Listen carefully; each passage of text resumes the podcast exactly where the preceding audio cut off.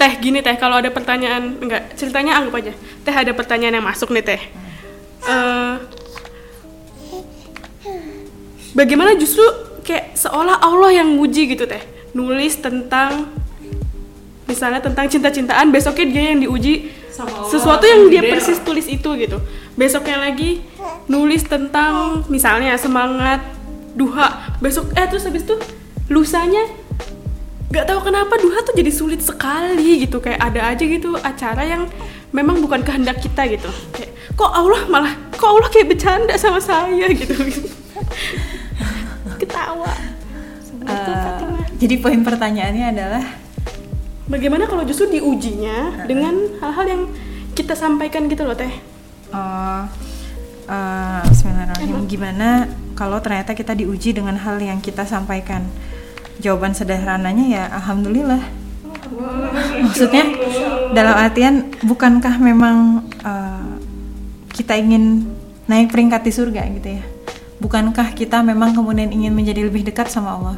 Maka ketika Allah menguji kita dalam urusan tersebut, ya maksudnya masya Allah ya itu menjadi satu dalam tanda petik kehormatan bahwa kemudian Allah uji dengan itu gitu.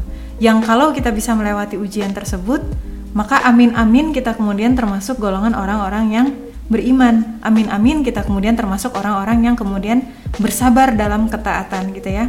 Karena kan memang eh, di dalam Quran surat Al-Ankabut yang terkenal itu gitu ya. Ayat 2-nya memang kan Allah mengatakan ya Allah mengatakan bahwa apakah kamu akan dibiarkan berkata beriman sementara kamu tidak diuji. Maka alhamdulillah kalau kita diuji gitu. Itu menjadi sarana kita kemudian oh masya Allah ya. Setelah aku menyampaikan maka sekarang Allah me- apa ya membentangkan sarana untuk kemudian kita lulus untuk ujian yang bagian itu gitu. Jadi eh, kemudian kita bisa eh, menjadikan itu sarana untuk melatih sabar dalam taat. Kenapa sabar dalam taat? Nah itu yang harus betul-betul kita syukuri gitu.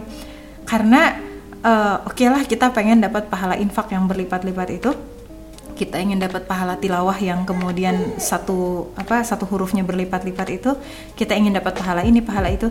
Tetapi ada satu pahala yang kemudian eh, apa ya menggiurkan gitu ya, yaitu di dalam Quran Az-Zumar ayat 10 di mana Allah berfirman yang artinya sesungguhnya hanya orang-orang yang bersabarlah yang kemudian Allah berikan pahala tanpa batas. Jadi tanpa batas ya pahala tanpa batas gitu. Jadi eh, kalaulah kita kemudian menyampaikan sesuatu dan kemudian diuji dengan itu, alhamdulillah kita menjadi memiliki sarana untuk kemudian bersabar dalam ketaatan gitu ya. Sama kayak misalnya kayak tadi takut dengan omongan-omongan orang dan atau apa sih tadi julitan netizen dan Iya. sebagainya. Alhamdulillah itu kemudian menjadi sarana kita lagi-lagi untuk sabar dalam ketaatan. Karena biasanya kalau level daimah gitu ya, sabarnya udah bukan lagi untuk apa ya? Biasanya orang harus sabar kalau apa sih? Kalau nilainya turun gitu misalnya atau dapat musibah habis dapat kemalingan musibah, habis kemalingan atau apa gitu ya. Oke lah itu satu hal. Tetapi yang paling apa ya, yang yang akan sangat-sangat menguji kita adalah bagaimana kita bisa sabar dalam taat dalam apa pun keadaannya gitu. Dalam keadaan mudah, dalam keadaan sulit, eh, dalam keadaan lapang, dalam keadaan sempit gitu ya. Em, kalau kita bisa sabar dalam taat, moga-moga kemudian kita masuk ke dalam golongan orang-orang yang mendapatkan pahala tanpa batas itu, gitu ya. Allah alam, gitu ya. Eh, aku mau tanya dong teh gimana kalau misalnya ternyata kita ketika diuji itu kita nggak lulus terus kayak gimana kayak misalnya kita eh, mendakwakan tentang apa tadi misalnya nulis tentang hmm, cinta-cintaan cara misalnya ta'aruf yang itu terlalu itu jauh. itu berat kalau misalnya kita eh, nulis. Jangan mencontek jangan titip oh, iya absen. benar, jangan terus tahu-tahu tahu-tahu besoknya saya eh ini nih dosennya nggak masuk. Terus kita malas ke kampus terus akhirnya kita ter- tergoda untuk TA misalnya. Nah itu berarti kita nggak nggak lulus dong teh. Apa yang bakal terjadi kira-kira Itu ada dalam eh, kalau tadi pertanyaannya Bismillahirrahmanirrahim. Gimana teh kalau misalnya kita diuji, kemudian kita gagal lagi, diuji lagi, kemudian gagal lagi, diuji lagi dan gagal lagi. Alhamdulillah ala kulli hal Segala puji bagi Allah atas segala sesuatu Apa yang sudah terjadi Qadarullah wa ma syaa bima fa'ala Terjadilah apa-apa yang sudah Allah takdirkan Tetapi ketika itu terjadi karena kelalaian kita Maka jadikanlah itu kemudian bahan untuk istighfar Tidak ada kemudian alasan bagi kita Dikarenakan kelalaian kita Dikarenakan luputnya kita Dan kemudian dosa-dosa kita Kemudian kita menjadi berputus asa Apalagi meninggalkan jalan dakwah gitu ya dikarenakan kita merasa tidak layak lah, dikarenakan kita merasa apalah. Sesungguhnya keputusasaan itu datang dari bisikan syaitan. Itu saja yang jelas gitu. Sehingga kalau misalnya kita mengikuti itu, maka berarti kita sedang mengikuti bisikan syaitan. Gitu. Lalu apa yang kemudian harus dilakukan gitu ya? Jadikan itu kemudian sarana memperoleh pahala. Gimana caranya gitu ya? Dengan kemudian beristighfar, meminta ampun kepada Allah Subhanahu wa taala dengan kemudian menjadikan itu sarana kita untuk kemudian menangis di sisi Allah Subhanahu wa taala betul-betul merasa tidak layak, betul-betul merasa tidak mampu, tidak ada daya dan upaya. Kan kita kadang-kadang kerasa ya misalnya pengen banget kita punya target A gitu. Udah dicoba berhari-hari gagal lagi, coba lagi besok gagal lagi, coba lagi besok gagal lagi gitu ya. Nah, justru di situlah kemudian kita merasa la haula wala quwata illa billah. Betul-betul kita memang tiada daya dan upaya kecuali datang dari Allah Subhanahu wa taala. Dan di situlah kemudian yang kalau kita sikapi dengan benar gitu ya, dengan kemudian kita minta ampun kepada Allah, dengan kemudian kita meminta pertolongan kepada Allah Subhanahu wa taala, itu kemudian harap-harapnya akan menjadi peningkatan eksponensial dalam uh, apa perbaikan diri kita sendiri. Karena apa? ketika kita kemudian meminta ampun sama Allah dan Allah menerima taubat kita, bukan hanya Allah kemudian menerima taubat kita, tetapi Allah akan ganti dosa-dosa yang lampau itu dengan kebaikan gitu loh. Yang ibaratnya ya, ibaratnya kalau misalnya kemarin kita punya dosa segunung gitu ya, kemudian kita betul-betul minta ampun kepada Allah. Taubatan nasuha, kita minta ampun kepada Allah, maka Allah akan ampuni dosa tersebut dan kemudian Allah akan gantikan itu dengan kebaikan seperti yang Allah sampaikan di Quran surat Al-Furqan ayat 70 yang artinya kecuali orang-orang yang bertaubat dan beriman dan mengerjakan kebajikan maka kejahatan mereka diganti Allah dengan kebaikan. Sesungguhnya Allah Maha Pengampun Maha Penyayang. Maka itu akan menjadi salah satu sumber pahalanya kita gitu ya ketika kita mau bertaubat. Karena taubat itu membutuhkan keberanian. Taubat itu membutuhkan korban perasaan. Karena capek gagal itu. Dalam hal apa pun gagal itu capek. Yang namanya kita sudah punya target punya harapan nanti akan begini begini begini. Terus kemudian kita gagal yang kemudian kita melew apa namanya diuji dengan A. Kita pengen bisa lulus gagal lagi. Diuji lagi dengan A lagi pengen bisa lulus gagal lagi. Itu capek naik turun naik turun. Tapi justru itulah kemudian salah satu ujian bersabar dalam ketaatan tadi.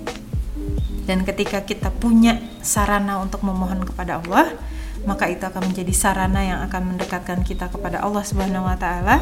Dan ketika kita dekat sama Allah Subhanahu wa taala, maka itu akan menjadi jalan pembuka kita untuk beramal soleh dengan lebih baik lagi. Susah loh nyari bahan doa sama Allah. Banyak orang males doa. Doanya cuman yang ya hal-hal begitulah IPK gitu ya. Um, urusan materi, urusan jodoh meren gitu ya atau urusan uh, keluarga maksudnya hal-hal yang sifatnya ya kebutuhan kita gitu yang kemudian kita doakan kepada Allah itu mah jelas ya Insya Allah ada nilai pahalanya juga ketika kita meminta uh, kepada Allah Subhanahu Wa Taala. Tetapi ketika kemudian kita berdosa dan kita minta sama Allah, itu akan menjadi kenikmatan tersendiri gitu. Karena kita meminta sesuatu yang sifatnya akhirat ya Allah. Gitu. Bantu aku kemudian lulus ujian ini. Misalnya ujiannya tentang uh, masalah hati gitu ya paling nggak tahan deh kalau misalnya dideketin sama cowok gitu misalnya atau jangan cowok lah Ikhwan. Wadidaw. Paling nggak tahan kalau dideketin sama Ikhwan. Udah lulus sama Ikhwan A datang Ikhwan B yang lebih keren gitu ya. Uh, udah lulus sama Ikhwan B diuji lagi sama Ikhwan C. Diuji terus sampai kemudian kita betul-betul uh, apa namanya membersihkan hati kita sampai betul-betul yang kita kemudian ketika datang Ikhwan D, Ikhwan E, Ikhwan F mengajak untuk bermaksiat sampai Ikhwan Z gitu ya. Itu sudah apa ya? Sudah tidak lagi kita sama sekali tidak apa ya? Istilahnya gak ngefek udah nggak ngefek gitu ya. Udah nah, sorry. Ada mental. Mohon maaf. Allah alam. Hmm, gitu ya. Nomor 9 ya? Hah? yang ini sih tapi ini pertanyaannya sebenarnya rada bukan Yang nomor sembilan ya? Mm-mm. iya menyampaikan dengan baik ketika usaha itu terjadi juga sama teman-teman kita iya udah ya berarti ya iya sembilan nggak usah usah dong usah usah mumpung ada teh karir maksudnya. Yot yot. Apa apa? Kalian kan udah berpengalaman nih. Iya nih. Ke luar negeri kan pasti di luar negeri tuh maksudnya heterogen ya, heterogen Ah, heterogen di banget. Indonesia aja heterogen gitu apalagi di Iya luar. apalagi di luar negeri. Dan posisi kita di luar negeri itu minoritas. Pasti teh karir udah merasakan manis pedihnya menghadapi madu-madu yang luar biasa ini gitu. Nah eh, ada pertanyaan nih teh, gimana cara kita menyampaikan dengan baik ketika masalah itu terjadi juga sama teman-teman kita.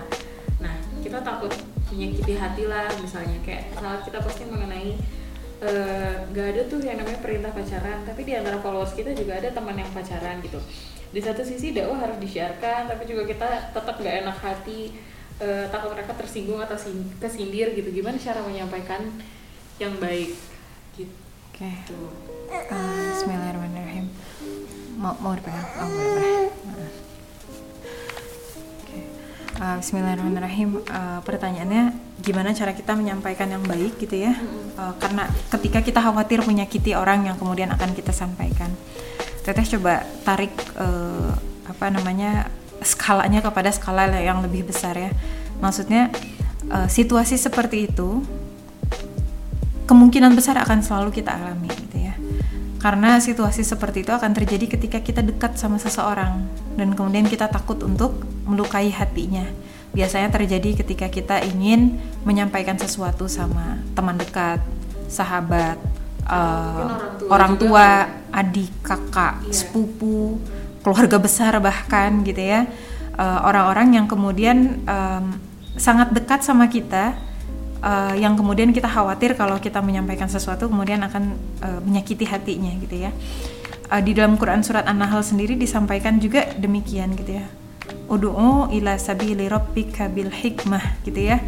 Serulah kepada jalan Allah itu dengan hikmah, dengan bijaksana, dengan sebaik-baiknya gitu ya.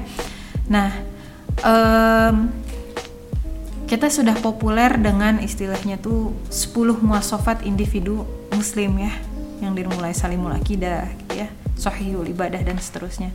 Yaitu 10 karakteristik individu muslim. Banyak orang sudah familiar dengan 10 karakteristik individu muslim. Tetapi mungkin yang kadang-kadang jarang dibahas adalah karakteristik seorang dai. Dan muasafat pertama seorang dai itu adalah kudwa kudwah qabla dakwah yaitu memberikan teladan sebelum kemudian menyeru bukan berarti ini kemudian menunggu kita sempurna baru kita menyampaikan. Tetapi salah satu prinsip dakwah yang utama itu adalah bagaimana kita berusaha memberikan teladan sebaik-baiknya. Dan itu akan sangat sangat sangat sangat efektif ketika dilakukan kepada orang-orang sekitar kita gitu. Yaitu orang-orang yang kemudian kita mungkin dakwah yang efektif itu bukan dengan lisan tapi justru dengan perbuatan dengan teladan. Nggak usah ngomong apa-apa gitu ya. Uh, teteh mulai istiqomah berjilbab gitu ya pakai kerudung itu ketika S1 di New Zealand di Auckland Uni ya University of Auckland. Dan pada saat itu sebetulnya tidak ada satupun kakak-kakak dari Rohis di sana gitu ya. Walaupun di situ campur ya macam-macam negara ada di situ. Di situ kita ada namanya MSA Auckland Muslim Student Association Auckland gitu ya Uh, tidak pernah ada yang kemudian menyampaikan teteh tentang kita tuh wajib loh pakai jilbab gitu ya. Kita tuh pakai jilbab tuh begini-begini loh gitu. Atau syaratnya itu harus dari ujung kepala sampai ujung kaki itu seperti apa? Atau harus longgarnya itu seperti apa? Atau harus pakai kos kaki dan seterusnya. Tidak pernah sekalipun sampai sekarang gitu ya. Uh, ada yang kemudian memerintahkan teteh untuk melakukan hal tersebut. Tetapi yang dilakukan oleh para kakak-kakak itu adalah satu mereka kemudian menjalin ikatan hati. Itu aja dulu. Jadi ketika awal-awal kenal itu nggak ada ngomongin dakwah sama sekali. Nggak ada ngomongin Islam sama sekali. Tetapi um, they are the sweetest sisters ever. Gitu. Jadi mereka tuh betul-betul yang namanya apa kakak-kakak yang paling manis yang pernah apa ya seakan-akan pernah dijumpai gitu. Contohnya kayak gimana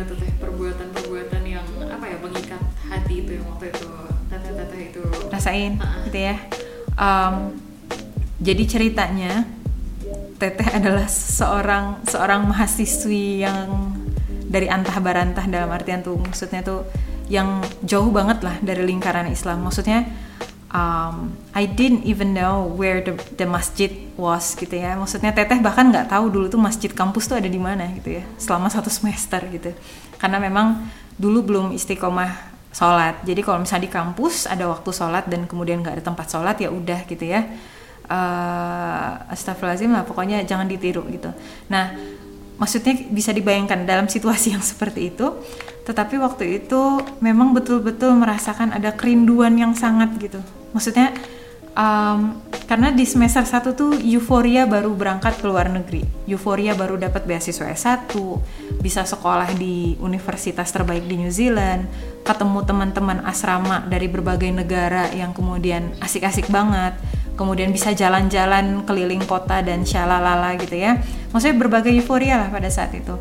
Nah tapi justru pada saat di titik yang menurut orang lain sudah sukses, menurut orang lain kayaknya bahagia, menurut orang lain sepertinya sempurna, justru pada saat itu teteh rasanya sangat-sangat galau, sangat-sangat sedih, suka nangis sendirian malam-malam kayak nggak jelas gitu.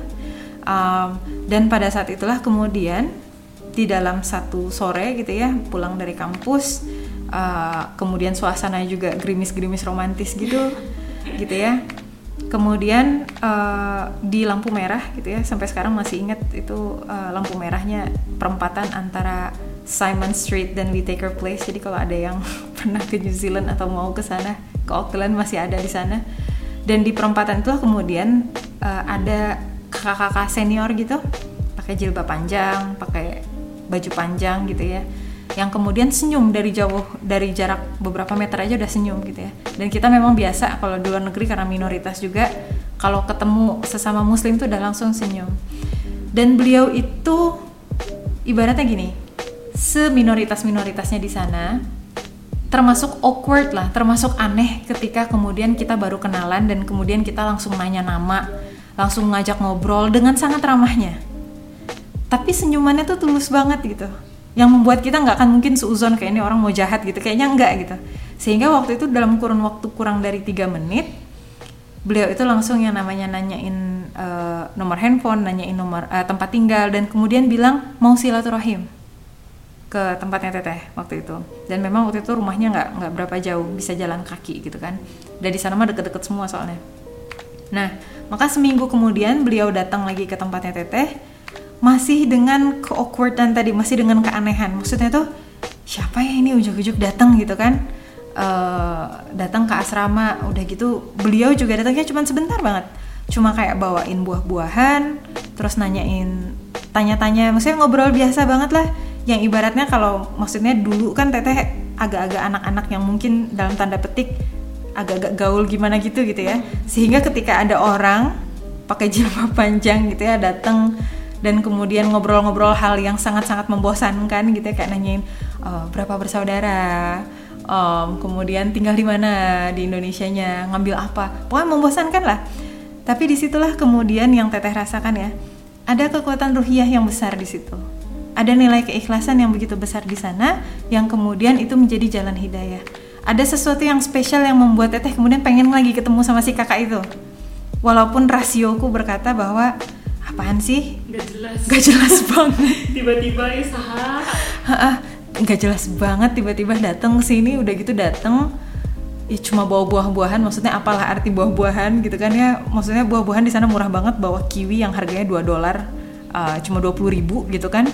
Uh, apa nothing special at all gitu. Tapi kemudian beliau ngundang lagi untuk pekan depannya itu untuk ngajakin makan siang. Makan siangnya sederhana banget cuma dibikinin uh, cuma disediain nasi putih ditambah dengan telur telur bus ya.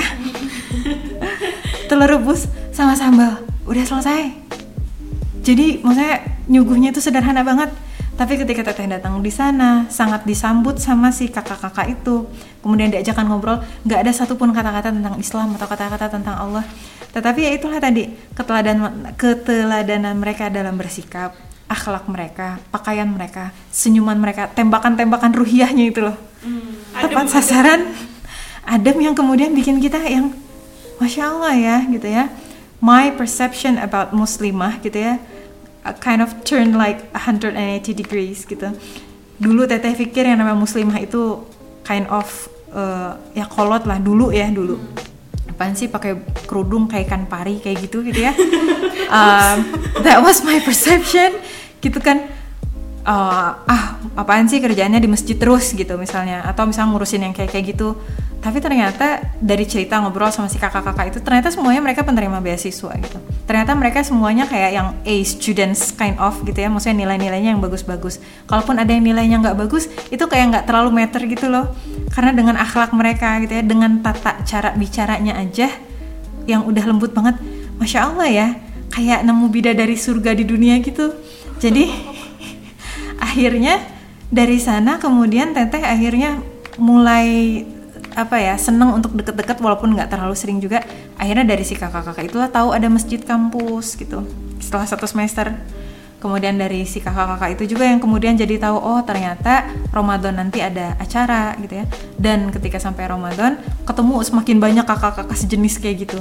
Dan sejenis gitu tuh nggak harus kemudian semuanya melo-melo ya. Ada yang kemudian periang nih kayak Tedian gitu ya. kayak Terifa gitu ya. Periang gitu. Tapi uh, kerasa gitu ya. Maksudnya tetap soleha semuanya. Dan kemudian itu yang kemudian jadi apa ya jadi semacam sudah menjadi tazkirah tersendiri sehingga tanpa mereka kemudian ngomongin tentang jilbab akhirnya TKR memutuskan untuk kemudian istiqomah pakai jilbab. Tanpa mereka harus bicara tentang sholat akhirnya sendirinya kita berusaha untuk memperbaiki sholat. Tanpa kemudian sekalipun mereka bicara tentang pacaran tuh nggak boleh. Tapi kemudian akhirnya kita sendiri yang kemudian meninggalkan itu gitu ya. Karena uh, pada dasarnya ini mah husnuzonnya ya prasangka baiknya. Mau itu keluarga kita mau itu kakak kita mau itu adik kita teman-teman sekitar kita mereka tahu kok sebetulnya yang benar itu apa.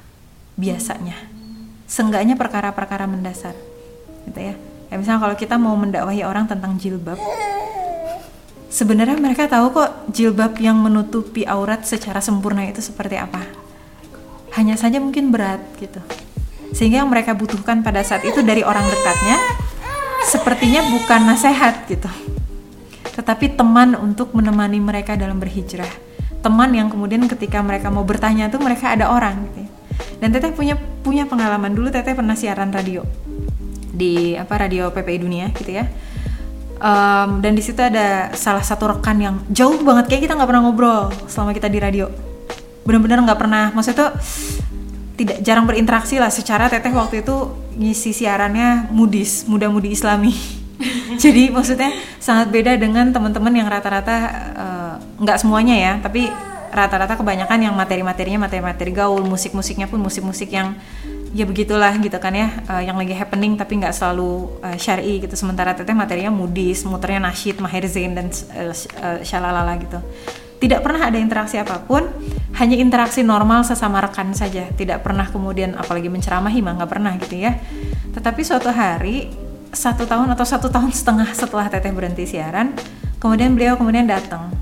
Tiba-tiba ngechat Rin bantuin aku buat berubah dong. Enggak aku sih bantuin gue buat berubah dong dia. Gitu gue pengen banget bisa sholat lagi gue pengen banget bisa begini gue nah yang kayak gitu yang kemudian momen seperti itu yang kemudian itu akan datang gitu. Dan ketika itu datang dia nyarinya ke kita. Jadi tanpa kemudian kita harus ngomong apa-apa sebetulnya dengan kita jadi teladan itu sudah menjadi taskiroh pengingat sendiri gitu.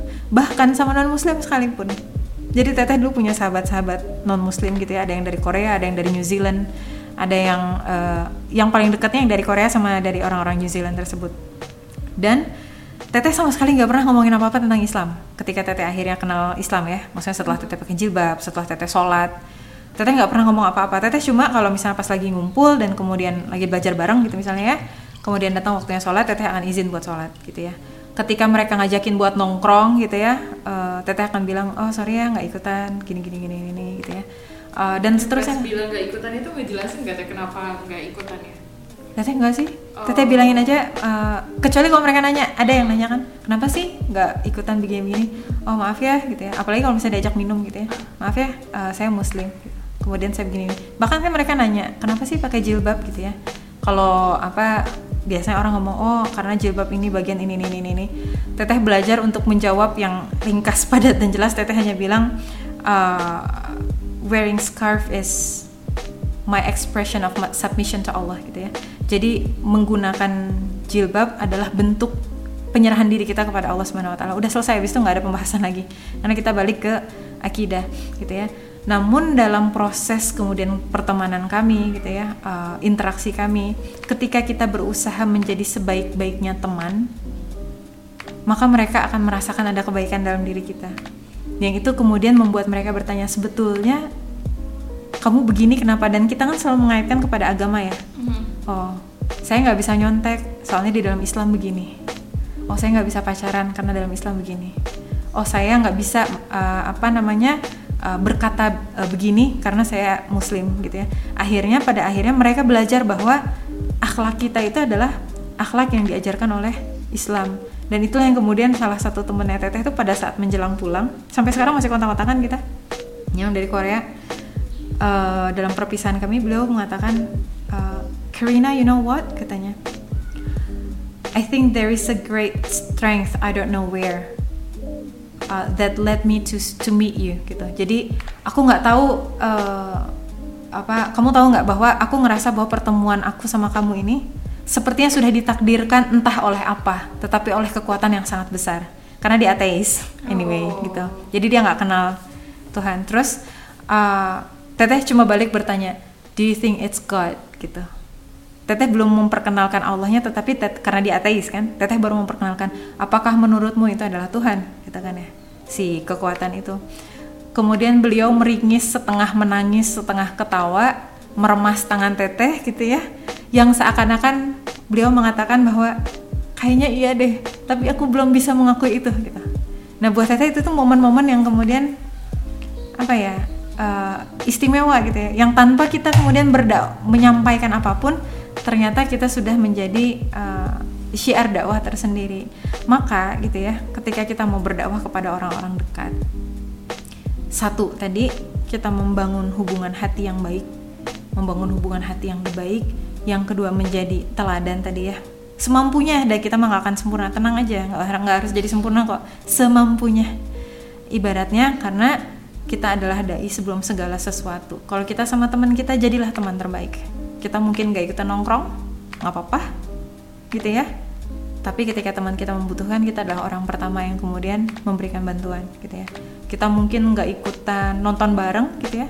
Tetapi kalau kita kerja kelompok kita kasih kontribusi terbaik. Kita jadi contoh teman terbaik. Ketika di rumah kita mungkin nggak bisa tuh nyeramahin ngedudukin. Oke ayah ibu aku mau ngasih tahu nih. Ibu ibu tuh harus pakai jilbab gini gini yang ada di tepok gitu kan. Tetapi jadilah anak terbaik gitu. Insya Allah ketika kita berusaha menjadi anak terbaik kita pun akan menjadi syiar di keluarga kita. Sama adik gitu juga. Cara dakwah sama adik yang nggak bisa kita mau cerewetin kecuali kalau dia nanya ya gitu ya. Tetapi jadilah kakak terbaik. Sama kakak jadilah adik terbaik. Ya gitu aja seterusnya. Jadi ketika nanti mereka sudah merasa nyaman ketika kemudian mereka sudah merasa sikoh sikoh itu percaya ya jadi membangun hati itu tujuannya adalah supaya mereka nyaman kita kemudian memberikan teladan, efeknya nanti adalah mereka akan percaya. Ketika mereka sudah merasa nyaman, mereka percaya, insya Allah curhatan demi curhatan itu akan mengalir dengan sendirinya. Ketika mereka ada masalah, ketika mereka mau berubah, ketika mereka galau, insya Allah nanti mereka akan datang ke kita. Dan di situlah kemudian menjadi sarana bagi kita untuk menyampaikan secara lisan kebenaran dari Allah Subhanahu Wa Taala. Gitu. Masya Allah. Berarti ketika kita awal-awal ketemu sama temen, kayak obrolannya casual aja gitu ya, obrolan sehari-hari gitu. Gak perlu langsung ketika pertama ketemu. Betul. Tahu nggak? Sekarang jamnya sholat. Kenapa kamu masih nggak tarik-tarik aja? Ayo kita sholat. Gak bisa kayak gitu ya teh. Uh, apparently not. Uh, Hmm. da- karena biasanya khawatirnya gini dalam dakwah itu kan ada ini ya, ada salah satu prinsip di mana kita selalu mengutamakan yang mudorotnya itu paling kecil, Hmm. gitu. Lebih berat besar mana mudorotnya ketika misalnya gitu ya, uh, kita dengan dalih harus berdakwah tadi, kita harus menyampaikan apa yang kita ketahui, kemudian kita menyampaikan ke teman kita, kamu tahu nggak jilbab tuh wajib loh, kalau nggak pakai jilbab nanti neraka loh, gitu kira-kira kalau kita omongin gitu si teman kita mau deket lagi nggak sama kita? Tentunya enggak gitu ya. Mungkin ada yang mau tapi biasanya orang akan menghindar yang seperti itu. Eh, yang mereka perlukan adalah ya teman terbaik maka jadilah teman terbaik gitu. Waktunya sholat ya kita cukup dengan pamit punten saya izin sholat dulu ya. Itu udah jadi dakwah tersendiri tah. Karena mereka tahu kok sholat itu wajib gitu kan. Em, tanpa kita harus berkata-kata itu menjadi syiar bagi mereka bahwa oh masya allah ya ternyata dia sholat gitu udah cukup baru segitu doang gitu. Wah, masya Allah, luar biasa, bergizi sekali hari ini. Eh, kayaknya semua pertanyaan sudah terjawab, ya nggak Tedian? Kayak selesai urusan semua, insya Allah. Semoga, eh bentar dulu sebelum closing dari kita eh, closing statement dulu dari Teh Karin. Em, apa namanya closing statement ya? Sebetulnya kan ada banyak hal ya maksudnya yang, yang mungkin bisa disampaikan tapi dalam kesempatan kali ini mungkin eh, moga-moga bermanfaat. Yang bisa teteh sampaikan adalah jangan terburu-buru. Eh, bersabarlah dalam proses taat itu gitu ya. Jangan terburu-buru dalam perbaikan diri sendiri untuk menikmati hasil yang kita ingin begini begini begini begini. Jangan terburu-buru. Sabar aja. Uh, insya Allah kalau kita ikhlas Allah akan menyampaikan kita kepada apa yang kita Ya alhamdulillah rabbil alamin. Eh, wah materi hari ini materi teradem, tertenang, sangat bergizi. Terkondusif sepanjang sejarah perpodcastan terbangin. Ya kita dari terbangin mengucapkan selamat berikhtiar untuk menjadi hamba Allah yang lebih ikhlas. yang totalitas Iya. menyertakan Allah dalam setiap langkahnya Ya, yang bergerak dan mengikuti mementingkan hanya apa kata Allah bukan hanya apa kata orang. Oke, good people. Ya, Rifa dan Tedian pamit. Assalamualaikum warahmatullahi wabarakatuh. Waalaikumsalam warahmatullahi wabarakatuh